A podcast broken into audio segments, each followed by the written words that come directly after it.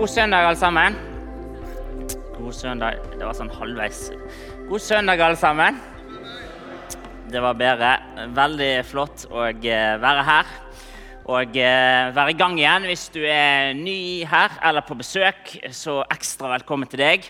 Vi er veldig glad i nye mennesker i denne kirken. Og eh, her håper vi at du vil finne din plass.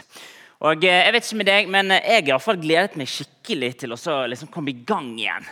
Og eh, Når du er sånn som meg, da, som eh, har på en måte gått i denne kirken hver søndag hele livet, nesten iallfall, så blir det jo fort litt sånn rutine over hele greiene. sant? Men de siste søndagene så vil jeg bare si at jeg har kjent at jeg liksom har gledet meg skikkelig til å komme hit. Komme og Ta en kaffe i Dødherren, og synge sammen og be sammen. Og høre på eh, forkynnelse og tøyse og tulle under kirkekaffen. Og Det var liksom veldig bra å være sammen igjen. Så takk for at du er her. Og eh, vi trenger jo hverandre.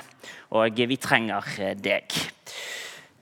De siste årene i kirken her, så har vi gjort det litt til en vane å starte som Erling var inne på, med en visjonssøndag. Det er egentlig bare en anledning for oss å snakke litt om hva som er vår visjon, og eh, hvorfor er vi her, og eh, hva ser vi for det som ligger foran oss. Og Hvis du har vært der en stund, så er ikke det helt usannsynlig at du har hørt eh, den setningen som kommer på skjermen bak meg nå.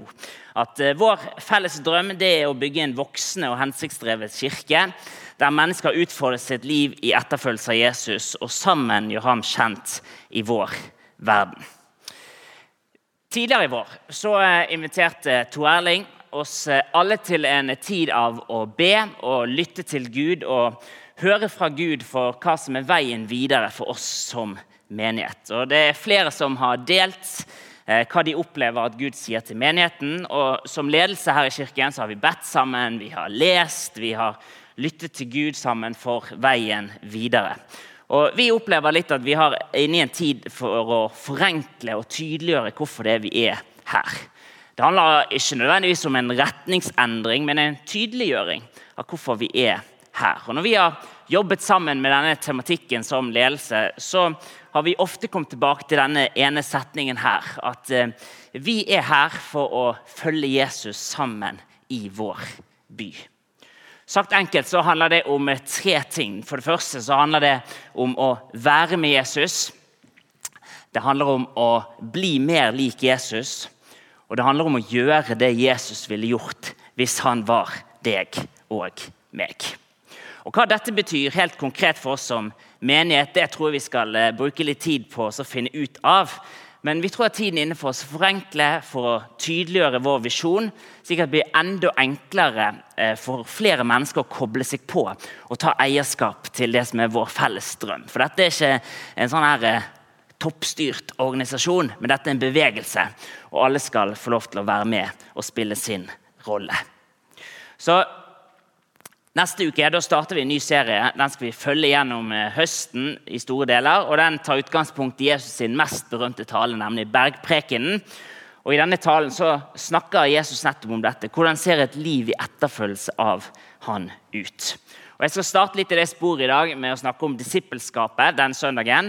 Og Da skal vi gå til en tekst som er helt sentral når det kommer til det å følge etter Jesus. Da kan du få lov å slå opp i Johannes 21 hvis du har en bibel, og følge med der.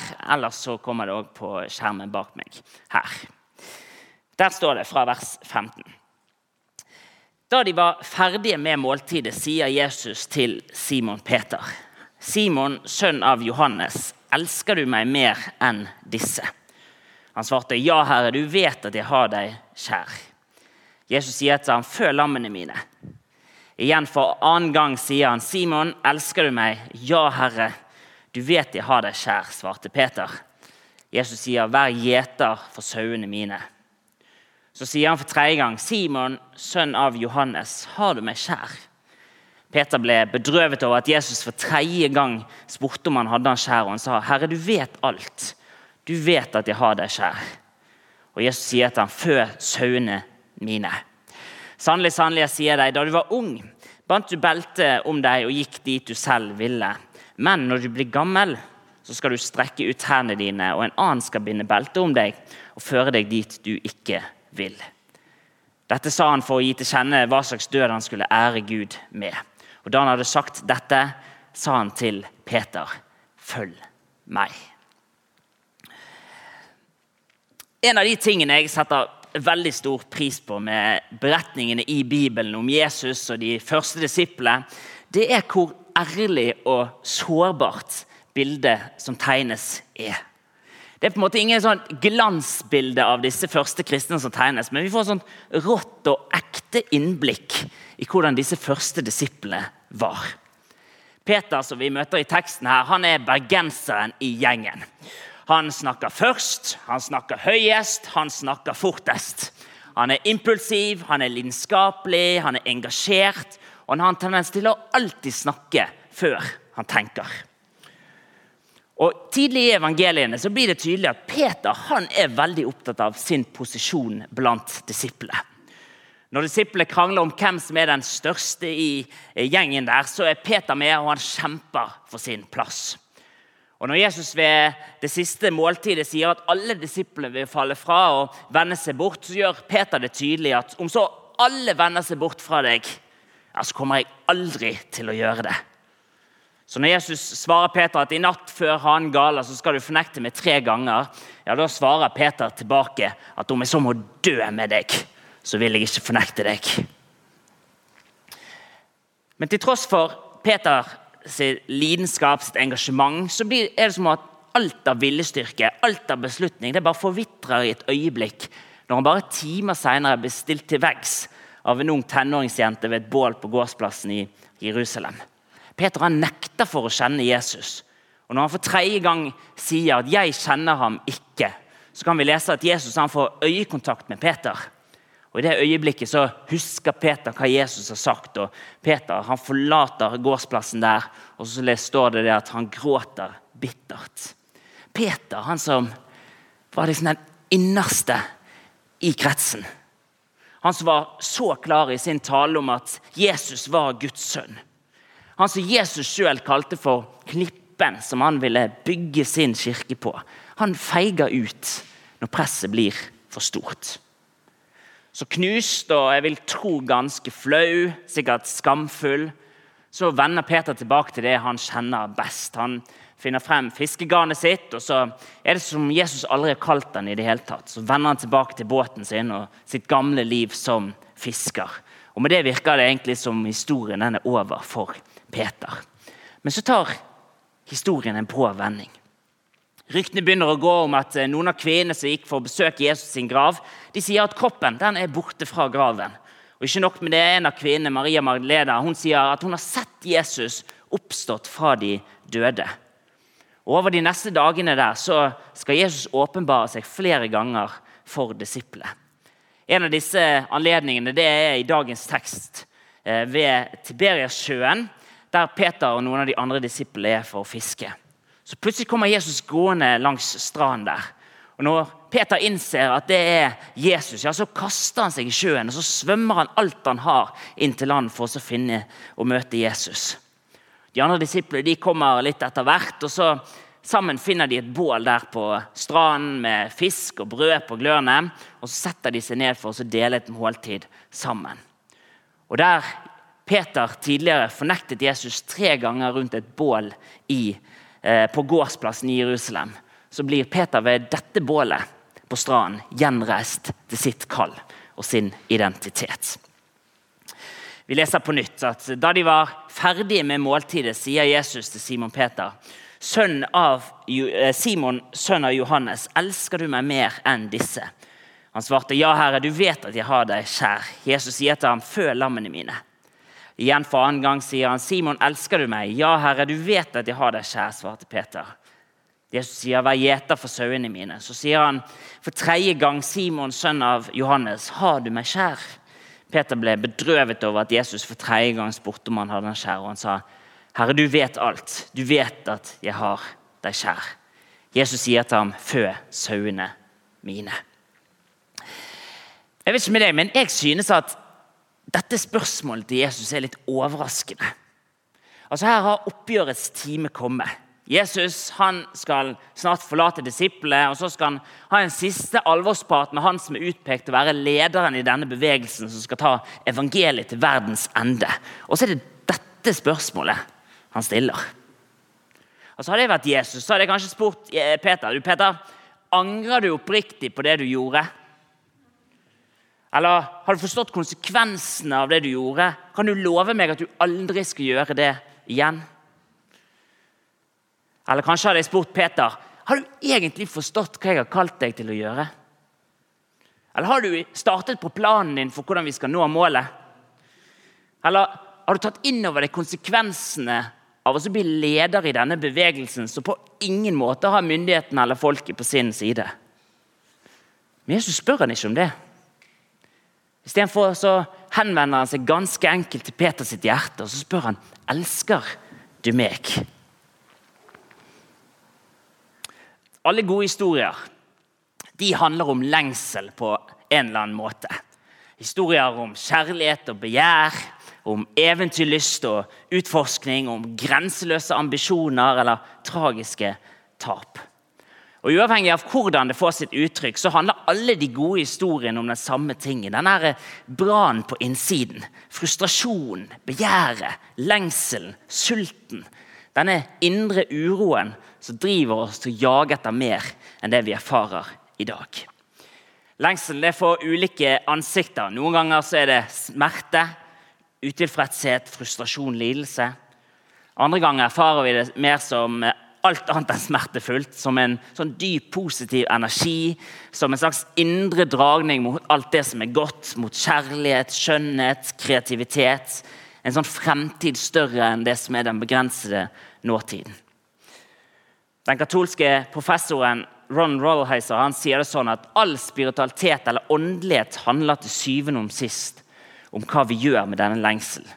For det er hva vi gjør med denne lengselen, som styrer utfallet av livet ditt og mitt. Ta f.eks. mor eh, Teresa. Nå vet ikke jeg hva assosiasjoner du får til dette navnet, mor Teresa.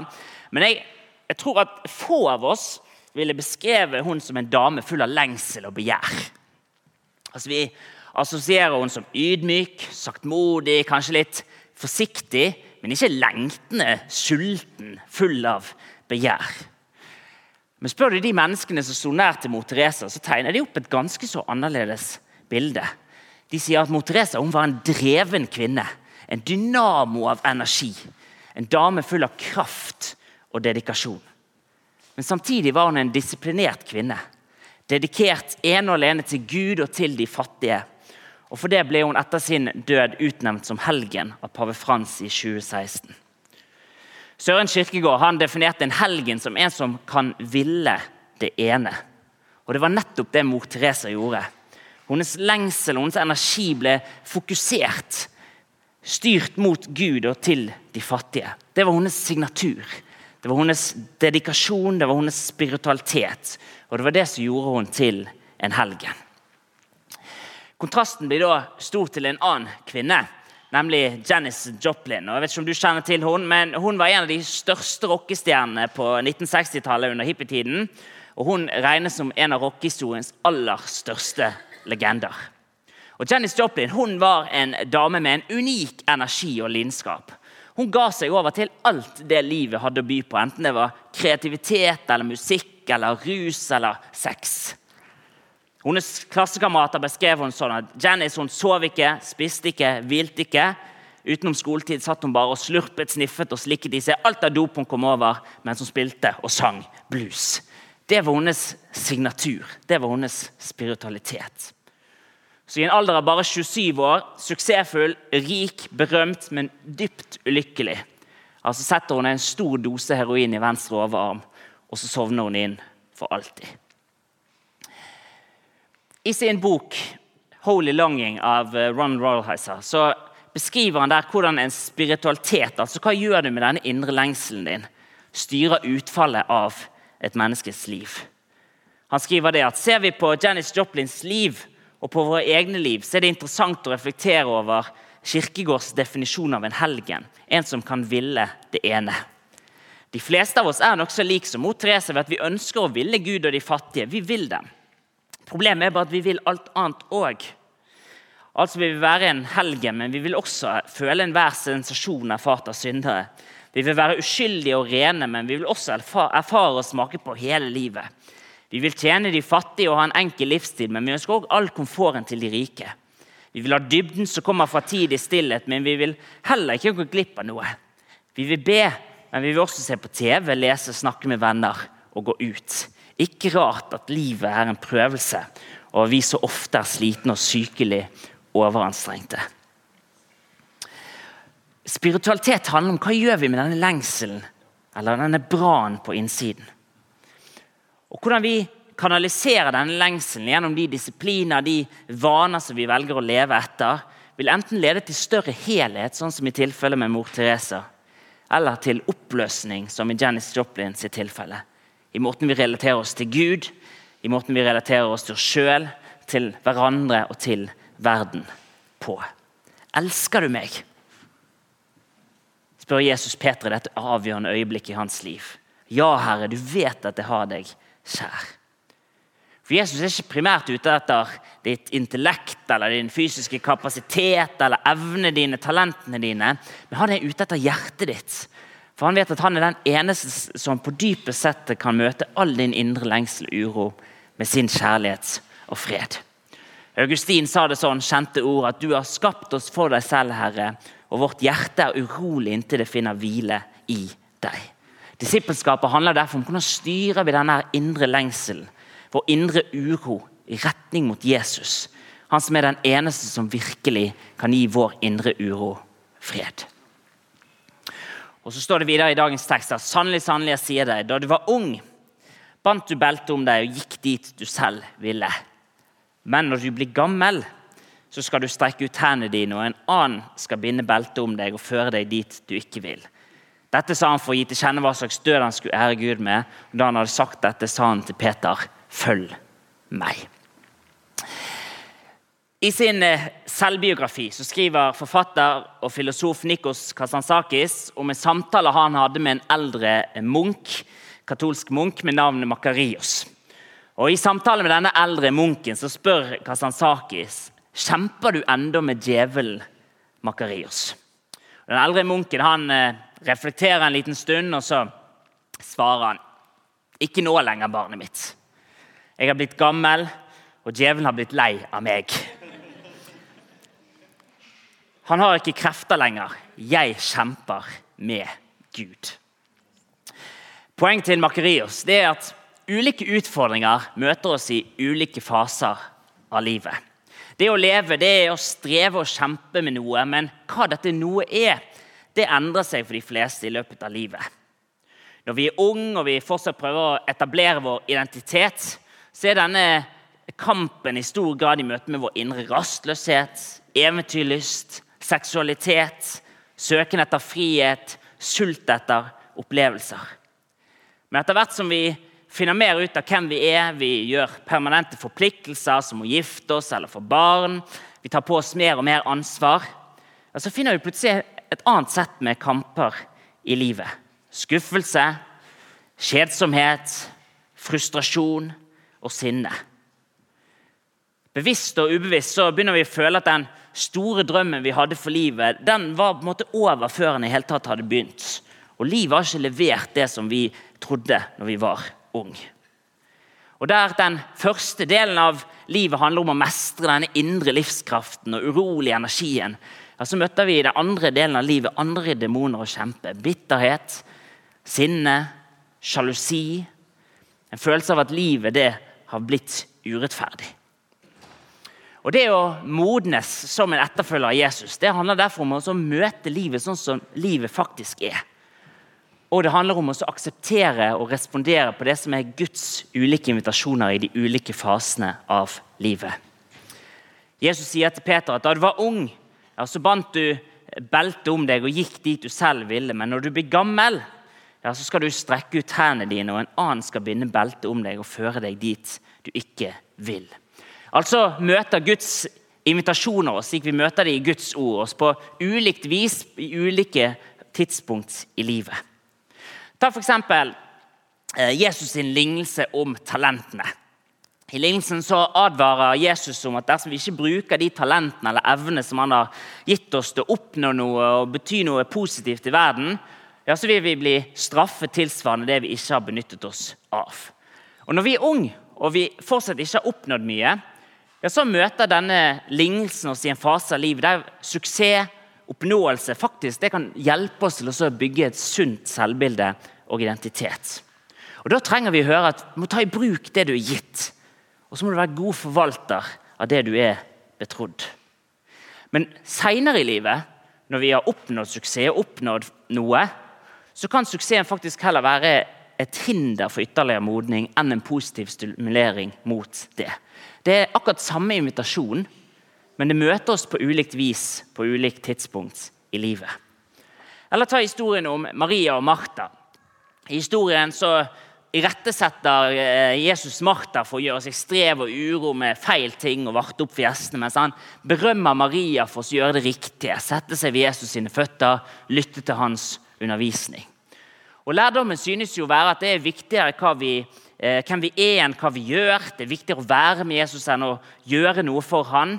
Men har du tenkt over at når folk snakker om den lignelsen, så er det som oftest de som har allerede oppnådd noe, som etter de har oppnådd noe, er veldig opptatt av å fortelle deg at det ikke er viktig å oppnå noen ting.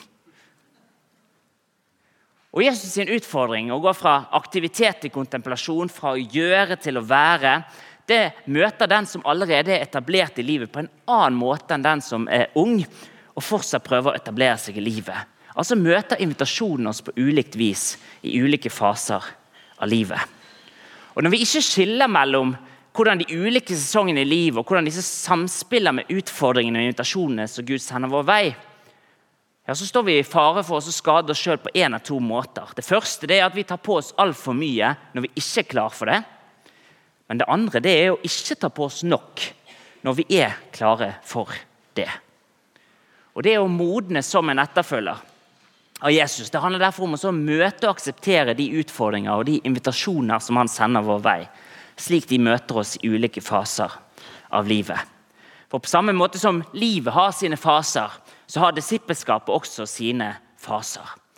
Og Kallet til å følge Jesus møter oss på ulikt vis i de ulike fasene. fordi at Gud han møter oss i, sånne abstrakte ideer og konsepter, men han møter oss der vi lever livet, i de kampene vi står i i det daglige. Kastansakis han eh, forsto disippelskapet under tre følgende overskrifter, eller tre bønner. Han sa det sånn at eh, for det første at 'Jeg er en bue i dine hender, Herre. Trekk meg, så jeg ikke råtner.' Den andre bønnen er 'Ikke overtrekk meg, Herre, for da ryker jeg'. Og Den tredje bønnen det er 'Overtrekk meg, Herre. Hvem bryr seg om jeg ryker?' Og På tilsvarende måte så deler Rollheiser i sin bok 'Sacred Fire' disippelskapet inn i tre faser. Han sier at Den første fasen det er det essensielle disippelskapet. Altså kampen for å få livet på plass. For de aller fleste av oss så starter jo vår reise i denne verden med livet på stell.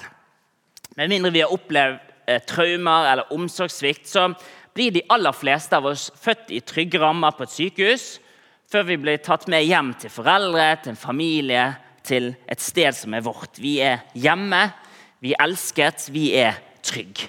Men så skjer det noe utrolig dramatisk, og jeg har opplevd det. Puberteten. Og eh, Rollheiser han sier det, at eh, puberteten det er designet av Gud og naturen for å drive oss ut av hjemmene våre. Og Generelt sett så kan vi si at det funker. Noen ganger funker det kanskje litt for godt. For puberteten den slår oss med hormoner og følelser og energier som bare snur opp ned på alt som var harmonisk med barndommen. Og så sender det oss ut i verden, rastløse, drevne, fulle av store drømmer og litt forvirret og usikker. På leiting etter et nytt hjem, et sted som vi skal bygge for oss sjøl. Det er en tid for lengsel og søken. Søken etter en identitet, søken etter aksept, søken etter venner, søken etter noen å gifte seg med, søken etter en karriere, søken etter et sted å bo, søken etter økonomisk trygghet, søken etter noe som gir livet mening og substans. Det vi søker etter, det er i essens et hjem. Og De aller fleste finner veien hjem igjen. Det kan hende ta 10 år, det kan hende ta 20, kanskje ta det 30 år.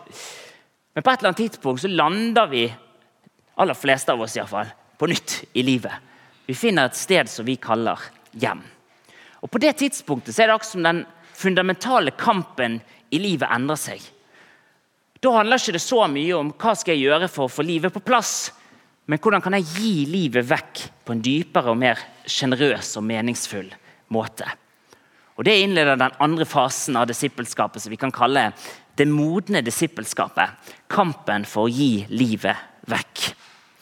De fleste når denne fasen en gang i løpet av 20- og 30-årene, men noen er kanskje i 40-årene, 50-årene, før de trår over grensen fra å kjempe for å få livet på plass til å gi livet vekk. Nå er det mange her som er eldre enn meg, som eh, sikkert kan vitne om at eh, kampen for å finne identitet og tilfredshet i livet det går egentlig aldri sånn helt vekk. Men på et tidspunkt er det som om liksom standardinnstillingen endrer seg. Vi blir mer opptatt av det som kommer etter oss, enn det som er vårt eget liv. Modent disippelskap det starter derfor når vi begynner å leve mer for andre enn for oss sjøl. Spørsmålet blir da hvordan kan jeg gi vekk livet mitt på en dypere, på en mer sjenerøs, på en mer meningsfull måte. Men så er ikke det siste fase i livet. For Det som er felles for alle og enhver og uunngåelig for oss alle, det er at vi alle sammen skal en dag dø. Og Det leder oss inn på den siste fasen, det som vi kan kalle det radikale disippelskapet. Kampen for å gi døden vekk. I dagens samfunn så blir det jo fort sånn at vi sammenstiller vår verdi med vårt arbeid. Så hva skjer når vi kommer i den fasen av livet når vi pga. alder eller helse eller andre utfordringer ikke kan i fall synlig og aktivt bidra med noe? Hva bringer vi til bordet når vi er forbi våre produktive år? I sine siste leveår så begynte den katolske forfatteren Henry Nowen å fokusere sin refleksjon, sitt eh, forfatterskap rundt dette temaet med døden. Og hvordan døden er ment å være vårt siste og vår største gave til verden. Han foreslår det at vi kommer på et tidspunkt i livet der det reelle spørsmålet ikke lenger er hva kan jeg gjøre for å bidra, men hvordan kan jeg leve nå på en måte som gjør at min død blir til velsignelse for mine kjære, for min kirke og for verden. Som kristne så tror vi jo at Jesus han både levde for oss og han døde for oss. Han ga sitt liv, og han ga sin død.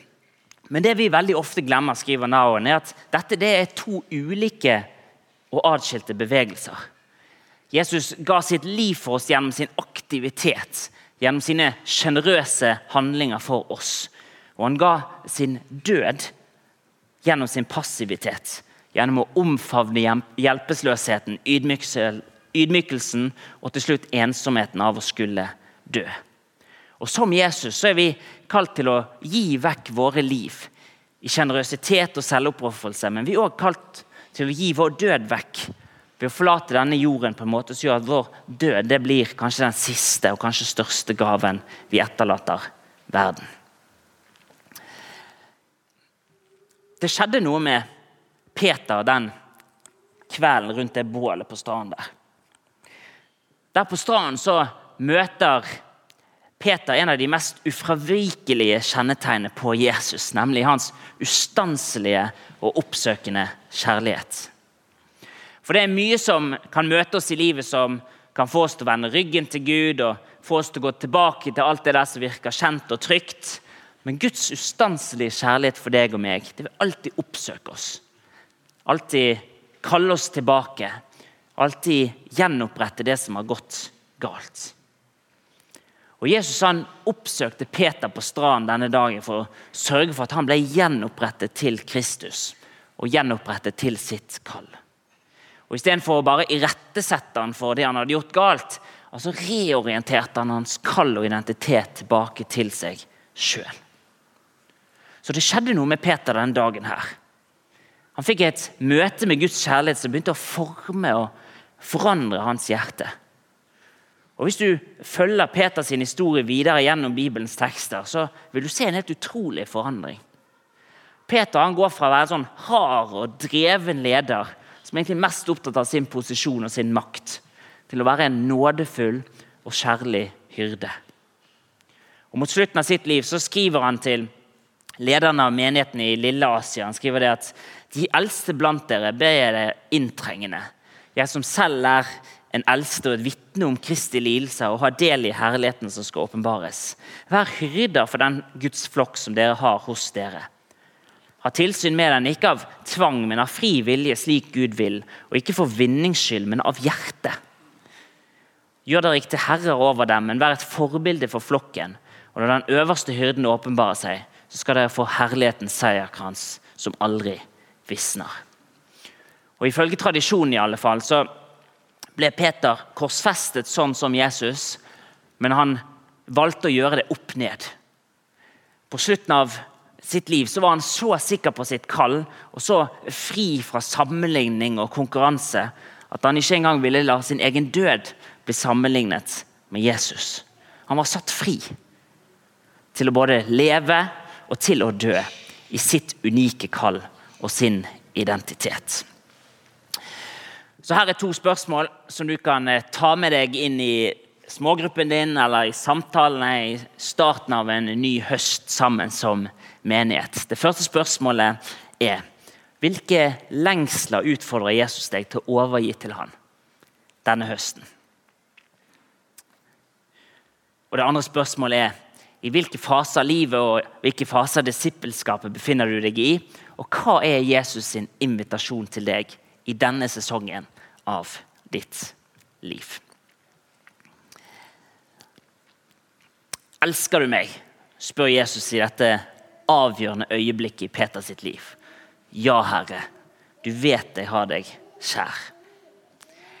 Det er mye vi kan gi vår kjærlighet til, men det beste utgangspunktet for oss å leve sitt liv, det er å rette vår lengsel og vår kjærlighet til Han som egentlig er den eneste som virkelig kan møte og bære den. Han som alltid vil oppsøke deg, han som alltid vil kalle deg tilbake, og han som alltid ønsker å gjenopprette. Skal vi be en bønn sammen?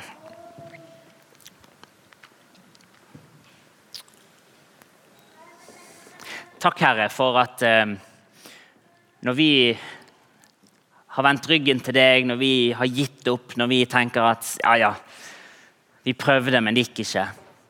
Når vi har vendt tilbake til eh, det kjente og kjære fordi vi kanskje er skuffet eller såret eller flau over det som har gått galt, så er du en Gud som oppsøker oss. Som kommer oss i møte. Lenge før vi løper mot deg, så løper du mot oss. Og så oppsøker du oss, og så møter du oss ikke med fordømmelse, men med kjærlighet. Og så ønsker du å gjenopprette oss og sette oss på sporet av det du har kalt hver enkelt av oss til. Takk for at du møter oss denne høsten. Takk for at vi kan ha forventning, ikke fordi at eh, vi skal gjøre så masse flott, men eh, fordi at du oppsøker oss. For du kommer oss i møte. Fordi at du ønsker også å møte hver enkelt her, men òg mennesker i hele denne byen. her, Jesus. Du ønsker å oppsøke de som er fortapt, som er kommet bort, som sliter med å finne retningen for livet. Så ønsker du også å si til dem rett kjærligheten din mot meg. For jeg er den eneste som virkelig kan bære den. Takk for det at du har store planer for hver enkelt av oss. Og takk for at du har lyst til å forme oss til å bli mer lik deg.